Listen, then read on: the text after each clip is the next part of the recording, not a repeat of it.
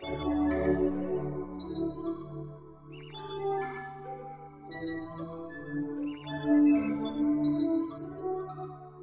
Blas draws on a series of sculptural, performative, audiovisual, and essay strategies and multiplies the subjects of his research in the form of teaching and writing in an artistic practice in which contemporary security technologies collide with minority political demands.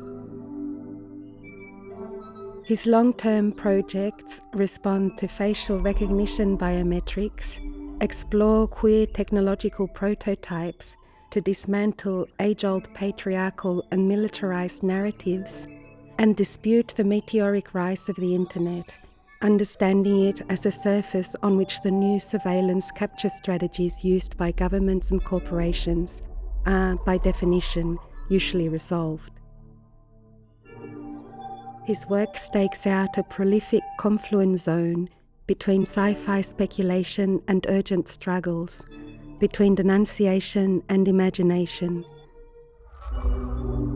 Sonia talks to Zach Blas about utopian plagiarism, life patterns, and unthinkable moments, about identity, opacity, and paranodes, about speculation understood in terms of usefulness, and about how we can go about conceiving sensual alternatives to the internet's total mononarrative today some years ago when I was still studying with Ricardo Dominguez in California, he told me a story about what he called utopian plagiarism. And this was a tactic that Ricardo first began to practice when he was part of Critical Art Ensemble. He was originally an original member of Critical Art Ensemble. And this idea of utopian plagiarism was that they were in Florida, the group at the time, and they would kind of walk around the library, pull out books, maybe take a concept that they noticed and then mark something out or add something in front of it. And actually, this is how they came up with one of their you know most i think uh, important concepts electronic civil disobedience you know grabbing thoreau's book civil disobedience and then all of a sudden slapping electronic on the front of it and then it's like this whole other realm of thought and practice becomes possible. It's like just by doing that, something like completely opened in that moment. And I was I always loved this idea of utopian plagiarism. I was very taken by it. Then at the time, I was reading actually Paul Preciado's manifesto, the Contrasexual Manifesto. Then this article in Frieze came out uh, that was a survey about post internet art. And they had asked for an image of mine, and I kind of didn't think twice about it, and I gave it to them. And then when that survey of post internet art came out in Frieze, the main two page spread, like I, my image was one full color page of that. And suddenly I found myself being the poster artist in this article about post internet art. And of course, the way I could read that generously is like, well, I think Frieze was trying to have a, a more expansive understanding of what this kind of practice is. But of course, that really fucking pissed me off. And because I'm so discursively invested, I had to retaliate. So the Contra Internet project, let's say, initially came from a bitchier place. And I really wanted to write something to kind of position my work differently and not have it understood within this post internet context. And honestly, it was just this funny moment of literally having, you know, in my bedroom frieze on the table, this frieze issue and and the Preciado book and you know, they're just they're sitting there to I'm seeing them and then all of a sudden, you know, I just started doing that kind of wordplay and post internet contrasexual and then it just happened. I was like, yeah, I think this is my first moment of utopian plagiarism. I think suddenly for me, Contra Internet became about this it's a way of thinking about how the internet is, you know, whatever that term means, the internet, it's something that has become kind of deeply naturalized. And what's really interesting to me about that, you know, thinking from a queer perspective, is that it's very hard to imagine. I'm, I'm kind of talking in a general sense, it's hard to imagine some kind of alternative or outside to the internet. And I even kind of discovered this when I started talking about this idea with people and you know this their eyes would kind of glass over and they would be like, What the fuck are you talking about? I have no idea what you're saying to me. And actually, I was really obsessed with those moments. Like, I was like, Okay, I'm onto something if people can't think this. If this, if this for some reason is like an unthinkable moment, that is super interesting.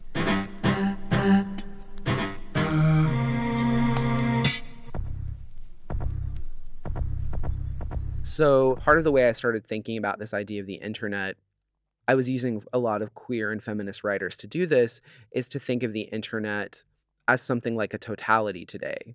Like something that, in the sense of like, you know, the totality is a, is a philosophical term that's developed in political philosophy, often used to talk about capitalism in Marxist writings as not having an outside. You know, capitalism is a totality, there's nothing outside of it.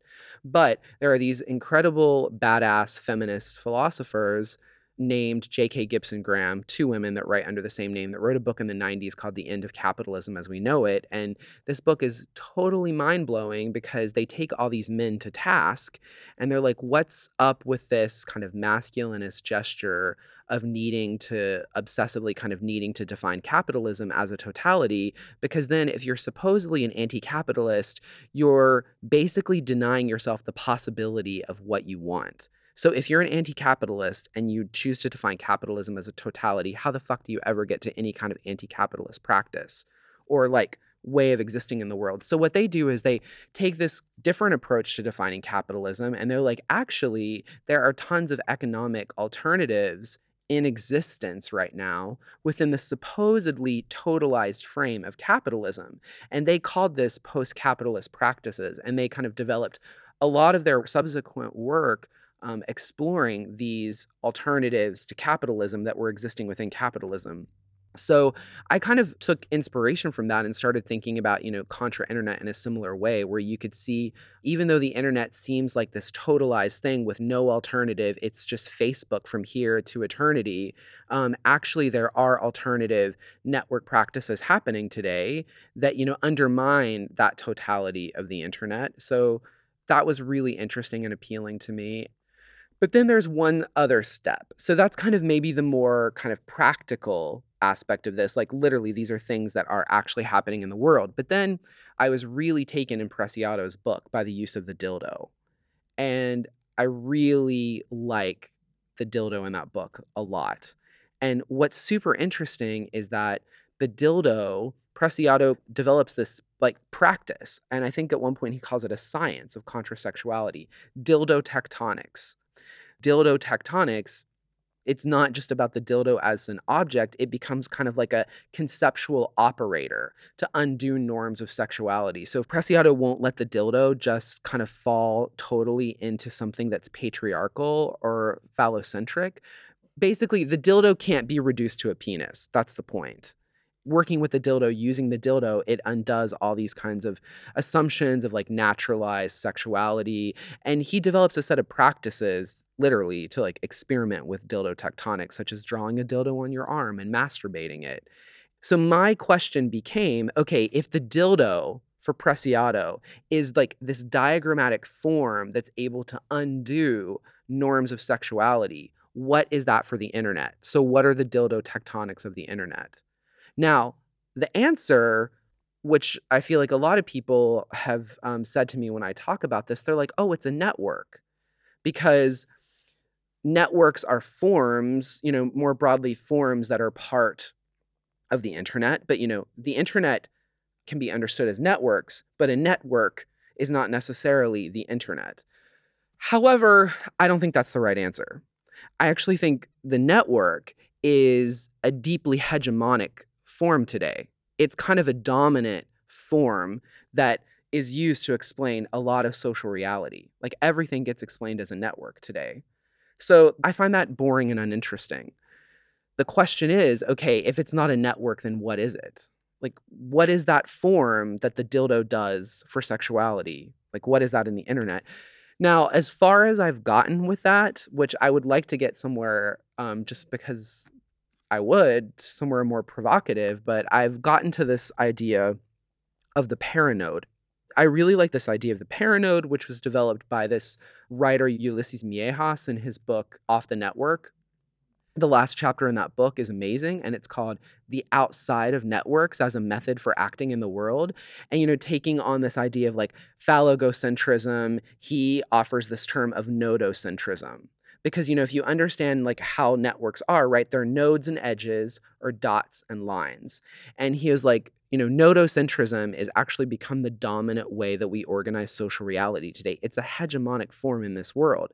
And again of course what would the queer method be there? It would be to like disrupt that and kind of take a different path a more minoritarian path. So he offers this concept of the paranode and he describes that as the paranode is beyond the topological limits of these nodes and edges. So if you look at a diagram, and if you can picture this like a distributed network diagram, it has a lot of dot, you know, dots and lines going every which way, and there's a lot of space that's actually crisscrossed in that diagram. I mean, he's talking about that space.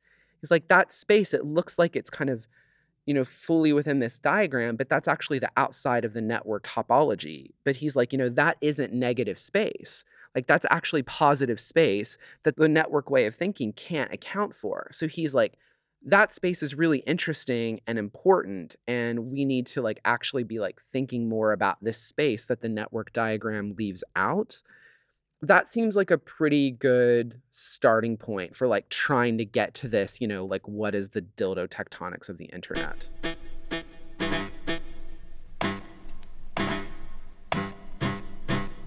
I was really interested in these moments of killing the internet and disappearing the internet. And I was deeply struck by um, the ex, I don't even know what his title is anymore, but the ex Google chairman, Eric Schmidt. Um, just like a year or so ago, you know, he made this comment about how the internet will disappear. And of course, you know, what he means is it's, I mean, he doesn't mean it's literally going to go away. He means that it's going to dissolve into the very like fabric that constitutes the world right? And this is the Internet of Things, right? That's one way of kind of simply grasping that. But that's like a deeply, I mean, my brain just like, I just get all these crazy images in my head when I like think about that process of like the internet disappearing into the world itself. That's amazing. It's kind of like that implies that there will be no separation anymore between the internet and the world. The world will be the internet, the internet will be the world. That is kind of like mind bl- I don't know that I'm I can think about that one for a long time. And that also to me goes back to this point about, you know, the internet the internet how it's popularly understood today as a totality. That is that eric schmidt that logic that's the logic of totality. Internet disappears into the world totalizes the world right? No outside. But the point is there is an outside and there is always an outside. And i think in my practice i'm always invested in like finding that outside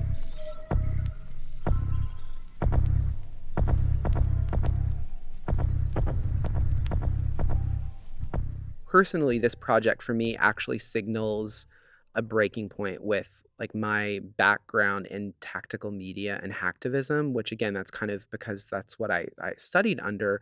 And for me, when I was younger, I felt this really strong pressure just coming out of that genre of work that art had to be all about tools. Like art had to be a tool that could be used to do something for political ends or purposes. And that can be an incredibly stifling way to kind of force yourself into that framework for every single project. But like honestly, that's really how I thought about queer technologies and it's how I thought about the mask project. But with Contra Internet, I was like, I, I just can't I can't keep doing this anymore. And I think that's also, you know, getting older and maturing and coming to terms with not what people expect you to make, but you know, actually what you're drawn to and like what you're also good at, I think. And the way that I thought about this project was for me, what Contra Internet can do is it can speculate, you know, imagine off of these ideas of network alternatives or literally an alternative to the network itself it can do documenting, so it can document things that are happening in the world, and then it can give this conceptual or theoretical kind of like consistency, you know, a way of like choosing to understand and describe this, particularly through a queer and feminist perspective. And that's really important for me because I think um, when I was younger, I often found myself in a no man's land between queer art and new media art or digital art, where usually There would be some few exceptions, like maybe I'd say Transmediale was de- has definitely historically been an exception, but most new media art spaces, if you're doing this kind of queer feminist work, they're like, get the fuck away from me as fast as you can.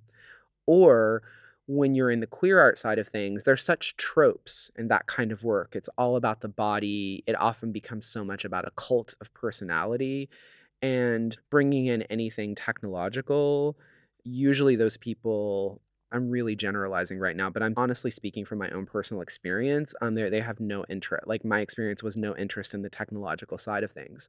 So I think like for me with this work with Contra Internet, you know, the broader points for me are that actually, um, you know, if you want to engage queer politics today or be invested in questions of feminism, transgender issues, you cannot ignore technics and technology because technology completely cuts through and deeply shapes power today. So, if you actually want to engage power and be political, you have to deal with technology.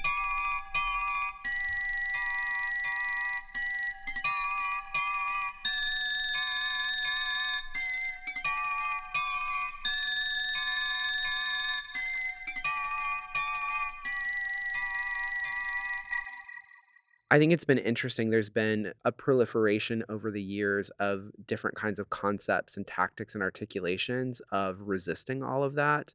So, for example, in media theory, there was a kind of provocative articulation of this by Alexander Galloway and Eugene Thacker in their book called The Exploit, which came out in 2007. And there's a very small section in there called The Tactics of Non Existence. And they make this point they say if existence becomes a means of control, then non existence is what will evade control and they kind of like offer you know a meditation on suddenly right we are going to have to start thinking about how do we you know non-exist to these machines and i gravitated towards the idea of opacity for a lot of different reasons. I'm inspired by the caribbean writer and poet edward glissant and his um, theories of opacity which mostly come out of his writings in the poetics of relation but I think that to me seems like a really important issue that queer politics and feminist politics really need to grapple with. And I think it's really difficult and challenging because I think, you know, queer theory might have this intellectual history of being about the deconstruction of identity and about like actually queer theory originating as something that is 100% anti identity. But now you have this much more loose use of queer as just an appendage to LGBT, right? I am not interested in that idea of queerness. I mean, I think I totally recognize and I'm I'm marked and touched by that that connection queerness has to those histories and I care a lot about them, but right now, you know, I think queerness needs a much stronger push in critiques of identity to deal with the way that identity is is sedimenting into these technologies and machines. You know, a good example is when Facebook expanded its gender identity options, right? And you suddenly just got all these new options. You can identify as this, that, you know, on and on and on. Now, you know, the positive way to read that is like, oh, yay, like I can choose the identity that I feel much more personally connected with. The more critical way to read that would be well, you're just giving Facebook algorithms a much more fine-tuned way to, you know, catalog you and market to you, etc. So, you know, I don't think like more precise identity categories is the answer. In fact, that's like more, even more insidious. You know, the other way is to just not identify at all.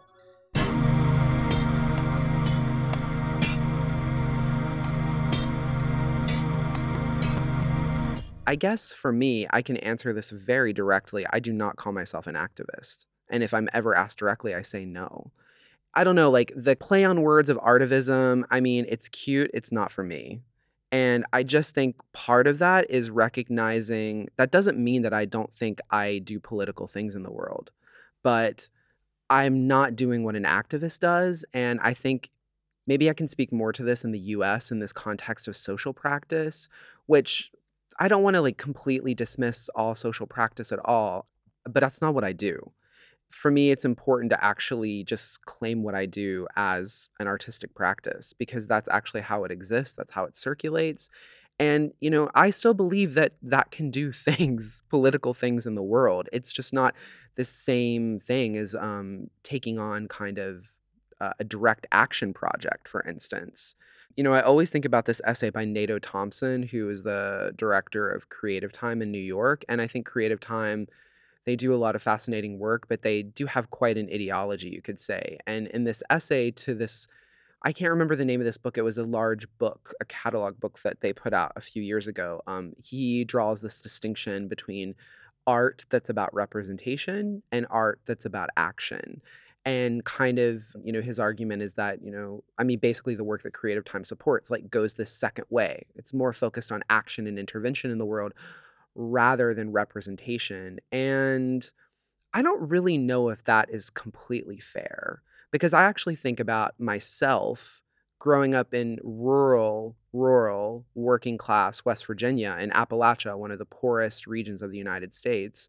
And you know what like radicalized me? It was film, it was books, it was music, all these representational artworks. So it's it's a little too difficult for me to dismiss the power of that kind of work.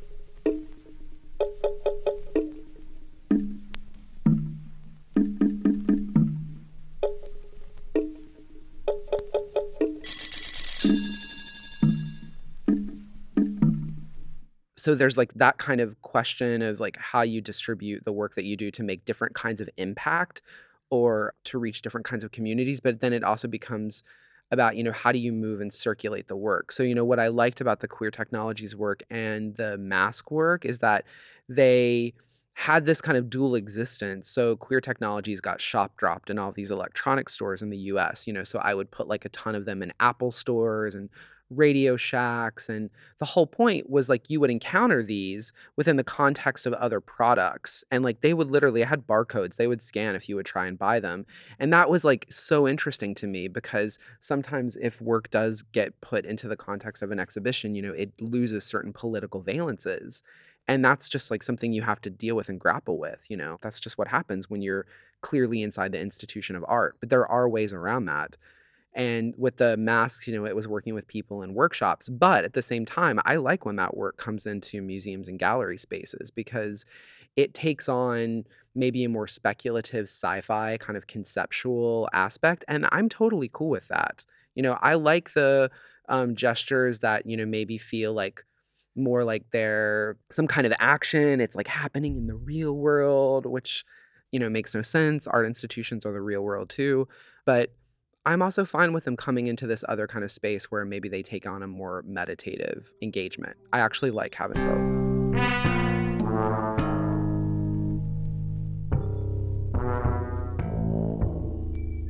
So I'm researching a new body of work right now that's tentatively titled The Prison House. And I kind of see it coming out of specifically the Face Cages project. So looking more along connections of capture technologies, abstraction, and how you can visualize that or perform that or intensify, I guess, the kind of implicit violence in those kinds of computational actions. So the prison house, actually, it's a concept that I think first comes from Nietzsche. Of course, this is me, so there's a lot of um, theoretical backstory here to getting this project set up. But uh, Fredric Jameson, uh, the Marxist theorist, wrote a very early book called The Prison House of Language. And what's interesting about this argument is that he is mostly focusing on literary scholars. And he says that literary scholars, or he's critiquing literary scholars for having a purely formal approach to literature. And he says if you take a purely formal approach to literature, then you miss out on certain things like history with a capital H. And anyway, like long story short, it's a critique against doing a purely formal analysis of literary works. And part of that is, you know, if you kind of have this formalist approach, you get stuck within this prison house of language. And for me, immediately, there was a resonance with this idea of language because an information scientist that I've always been really fascinated with for a long time is named Phil Agre. And Phil Agre, he's quite an eccentric man. He actually he taught at UCLA in the Information Studies Sciences department. And a few years ago, actually more than a few years ago, but like several years ago, he just like suddenly disappeared and no one could find him. I think he eventually was found, but I can't find anything conclusive on this. And he, in the 90s, he wrote some really groundbreaking essays, such as Your Face is Not a Barcode, and also this essay called Surveillance and Capture. And this has been like a really kind of, I feel like, crucial essay for how I think about a lot of my work. And in that essay, he actually identifies kind of two paradigms for thinking about what we just generally call surveillance. And his argument is surveillance is an incredibly inaccurate term to actually describe what's happening today. Even if you break that down etymologically, right, it means to watch from above. And he makes this argument surveillance comes, you know, from the 19th century. It really relies on visual metaphors. And so he says his argument is that actually if you want to have a more precise term for what we're living through today, it should be more precisely be called capture. And for him, uh, capture, right, this is emphasizing computation, it's emphasizing algorithms. And he makes the interesting argument that capture is not visual, it's linguistic. And of course, one way to think about that is it's a way of emphasizing coding and algorithms, that kind of calculation. But the other concept he gives within this idea of capture is grammars of action. I think this is a really incredible term. So, what he means by developing grammars of action, there's a couple ways you can think about this. One is that when a capture technology gets implemented, um, it creates certain grammars of actions that people kind of uh, fall into place with how it kind of takes control of a situation. But what I find more interesting is um, you have to develop a certain grammar to get a capture technology or algorithm to work. So again, if you just take the example of facial recognition, it's like how does a machine know that it's looking at a face? Well, it means that humans have developed certain algorithms, right, that actually create a computational grammar of the face. And that gets implemented into a machine. So there has to be this kind of it's a very kind of binary thing. It's like there's going to be a limit point where suddenly it's just no longer a face anymore. So, anyway, to come back to Jameson, what I see between these two thinkers, Phil Agre and Jameson, is this connection um, of thinking about language and formal properties. And so I just started thinking um, you know, Jameson's book is called The Prison House of Language. And I was like, what does the prison house of capture look like? Because the critique that Jameson makes, you can literally just sub out literature and put in these technologies and it it's the same kind of critique. It's like if Jameson is critiquing literature for having a purely formal approach to, you know, literary text, well, that's exactly what capture technologies do. They approach the body as something only formal. But then what's even more interesting is that Jameson is using the idea of the prison house in a metaphorical sense. If you're actually thinking about capture technologies, there's nothing metaphorical about that at all. These are technologies that are geared towards criminalization and policing. So when you actually think about what is the prison house of capture, I mean, that's a direct question, you know, about prison industrial complex.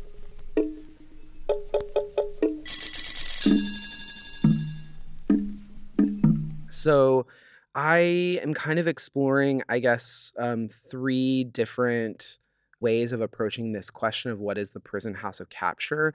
And one is actually creating kind of like a it'll be an immersive installation based on a S&M dungeon. So it'll kind of become this like capture torture dungeon that's inspired by S&M sex.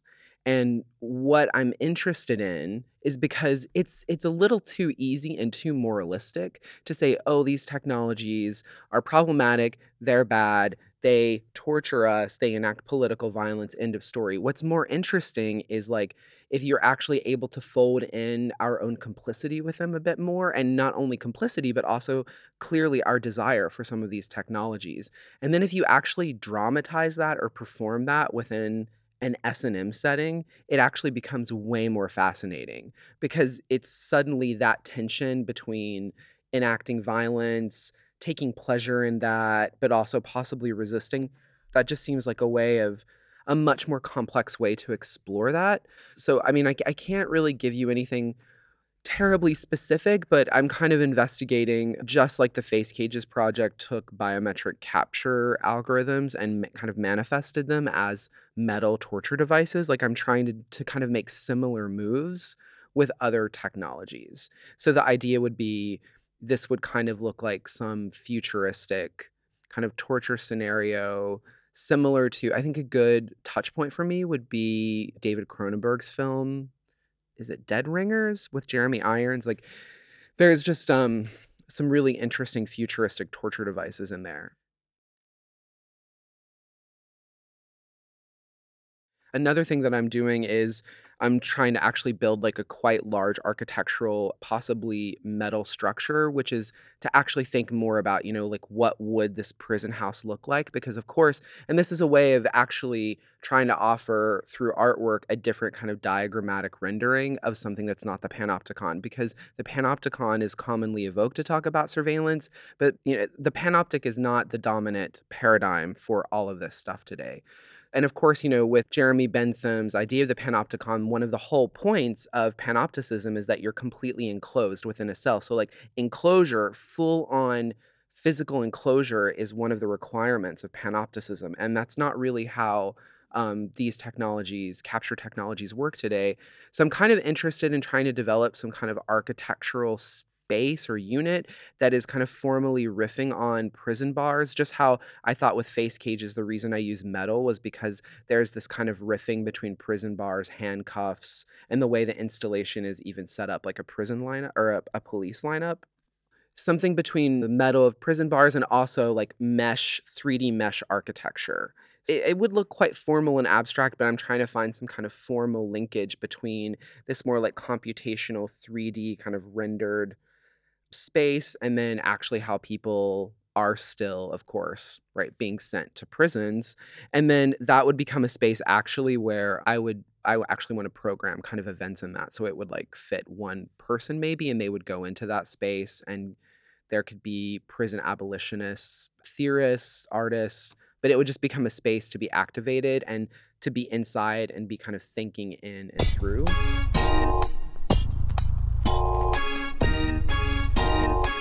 I guess a couple other things I could say just quickly, you know, I think part of this is thinking about ideas of predictive policing and also the military term pattern of life, which I think, you know, the biometrics and face cages works just zooms in on at the level of the face. But this military idea of pattern of life, about like developing military technologies as techniques of domination and control and imperialism, you know, to actually right combat or attack whatever another person i think this idea of pattern of life is a really provocative one. And then there's a an italian theorist matteo pasquinelli who wrote about this he gave this a term called the pattern police. And i i think that's like an incredibly evocative way to think about all this as well the pattern police.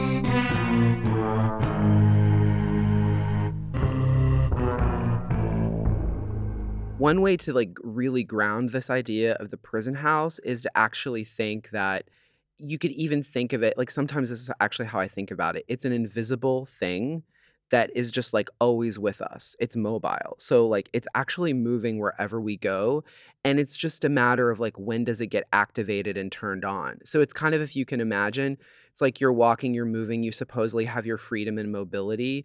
And then it's just like all of a sudden, it's like the bars just come down, like wherever you are.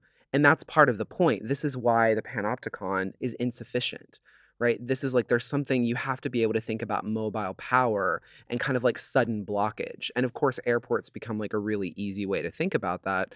But then, in terms of this idea of pattern of life, I mean, one way to ground that very easily is to talk more specifically about biometrics because it's so much like about the body. You know, my kind of specific interest in biometrics, it emerges from, you know, certain queer and feminist, anti racist, transgender concerns because I think it's been like pretty successfully proven at this point that biometrics most kind of violently impacts those populations. So that becomes a question then, you know, why? And the question is it's all about who's constructing the pattern of life. So how do you move from identity as, you know, maybe like you could kind of think about feminist i don't know like a lot of different ways of how people kind of casually construct identity but then you get to this moment where you have this biometric technologies you know emerging on you know the global scale. They're the number one border security technology and they're technologies of identification. But like what's really important about this is that not only are they technologies of identification but they're actually writing a new definition of identity itself So, the biometric definition of identity is a disembodied aggregate of data that can travel quite freely through global networks. So, I think that's quite striking. That means identity is something that can be like taken out of you, you know, like it's something that can be disembodied, but yet still be a 100% truthful rendering of like something core about you. And then that can also be translated into digital data and then it can be circulated and shared. That is definitely not the definition of identity I think I had when I was growing up or how I kind of thought how identity worked. So I think that's really striking to actually think about how of course, it's a cluster. It's not just about governments and states because so much biometric innovation is coming out of the tech world that, you know, that's like more geared towards, you know, commercial purposes or more consumer driven. But of course, you know, a biometric technology gets developed, it's appealing, and then a government swoops in and buys it, you know, something like this.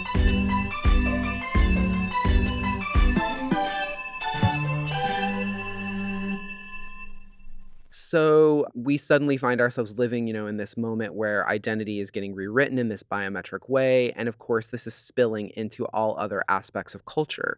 So, one thing I was super interested in a while ago were these gay face studies that were emerging at some of these top tier universities in the US and in Europe. And these gay face studies were like mind blowing because basically they would show test subjects quick flashes of people's faces, like a photograph, and you would flash it for a number of milliseconds, which is almost on the subliminal threshold. And these studies kind of concluded over and over that, oh, these test subjects are able to conclude whether people are gay or straight. And what's interesting, you know, the reason they're flashing the faces so fast is because they want to make a biological argument. You know, they want to be like, you have this innate biological uh, way of like being able to like quickly process this face but what's really striking to me about those studies, there's no biometric technologies in those face studies. But yet, what's amazing is that they still treat the face biometrically. And that to me is like the whole kind of like, that's like the mind blowing moment. It's like, there's no biometric technology here, but this is like clearly a biometric mode of research and analysis. And that's where you see that moment of the biometric technology and the biometric definition of identity spilling out and seeping out into other aspects of research and life and culture. And of course, it's like really fucked up because basically it evokes all the pseudoscientific endeavors of the 19th century that, you know, most people would probably it would be easy to get a lot of people to disagree with those kinds of things. So if you think about the anthropometry of Bertillon, the Bertillon system in France to identify recidivist criminals, or if you in Italy you think about Cesare Lombroso and you know his like ideas of criminal man and criminals have like skulls that are the size of primates and they're inferior and they're more apt to be murderers. I just feel like, you know, this whole kind of biometric mode of identity, it deeply connects to these things that seem so easily dismissible. But to move it back more to queerness and feminism, if you have to develop some kind of like capture algorithm to determine a face, that's going to be organized around a certain standardized distribution you know? It's it's going to be calibrated towards something. So when you begin to actually look at this research it's like why has biometrics historically been have had a lot more time or a lot more difficulty uh, detecting dark skin? You know why well, that's because when you actually look at the research, the technologists actually building some of these capture algorithms in the past, they're using all Caucasian and light skinned people. Or it's like there was an image that, you know, circulated on the internet some time ago of an Asian woman smiling at a camera and the camera asked, Did you blink? So you can find this in all these different ways, you know, with blink detection. You know, it's like blink detection in that moment, you know, she's not blinking, but then you realize the algorithm is calibrated like not to her face. And those are kind of simple, playful examples, but they scale up in really intense, horrifying ways. So it's, you know, in the US, I feel like some of the most dramatic instances of this have been with transgender people at airports. So let's say, you know, you're a transgender woman, your state identification says you're male. That already flags something, but maybe your state identification, you've been able to change your gender and then you go through it um, you know like one of those airport scanners and then suddenly you know your genitalia doesn't match the designated gender on your identity card and then you i mean i'm not kidding you there are documented examples of this you're whisked away to like a pre-terrorist assessment center because you are deemed a security threat Like, those are, like, absolutely, totally insane, very dramatic instances of this. So, there's a really amazing transgender, um, activist and legal scholar named Dean Spade who has a book called Normal Life: Administrative Violence, Critical Trans Politics, and the Limits of the Law, and I think, you know, this idea of administrative violence, I think, is another really powerful way to think about this, that, like, actually the ways that biometrics administrates identity and how that's so deeply connected. Now with forms of governance, you know, this actually has a disproportionate effect on certain minoritarian populations in the world. So it's like the biometric pattern of life, which would seem to be objective and truthful, you know, of course, at the end of the day, it's anything but.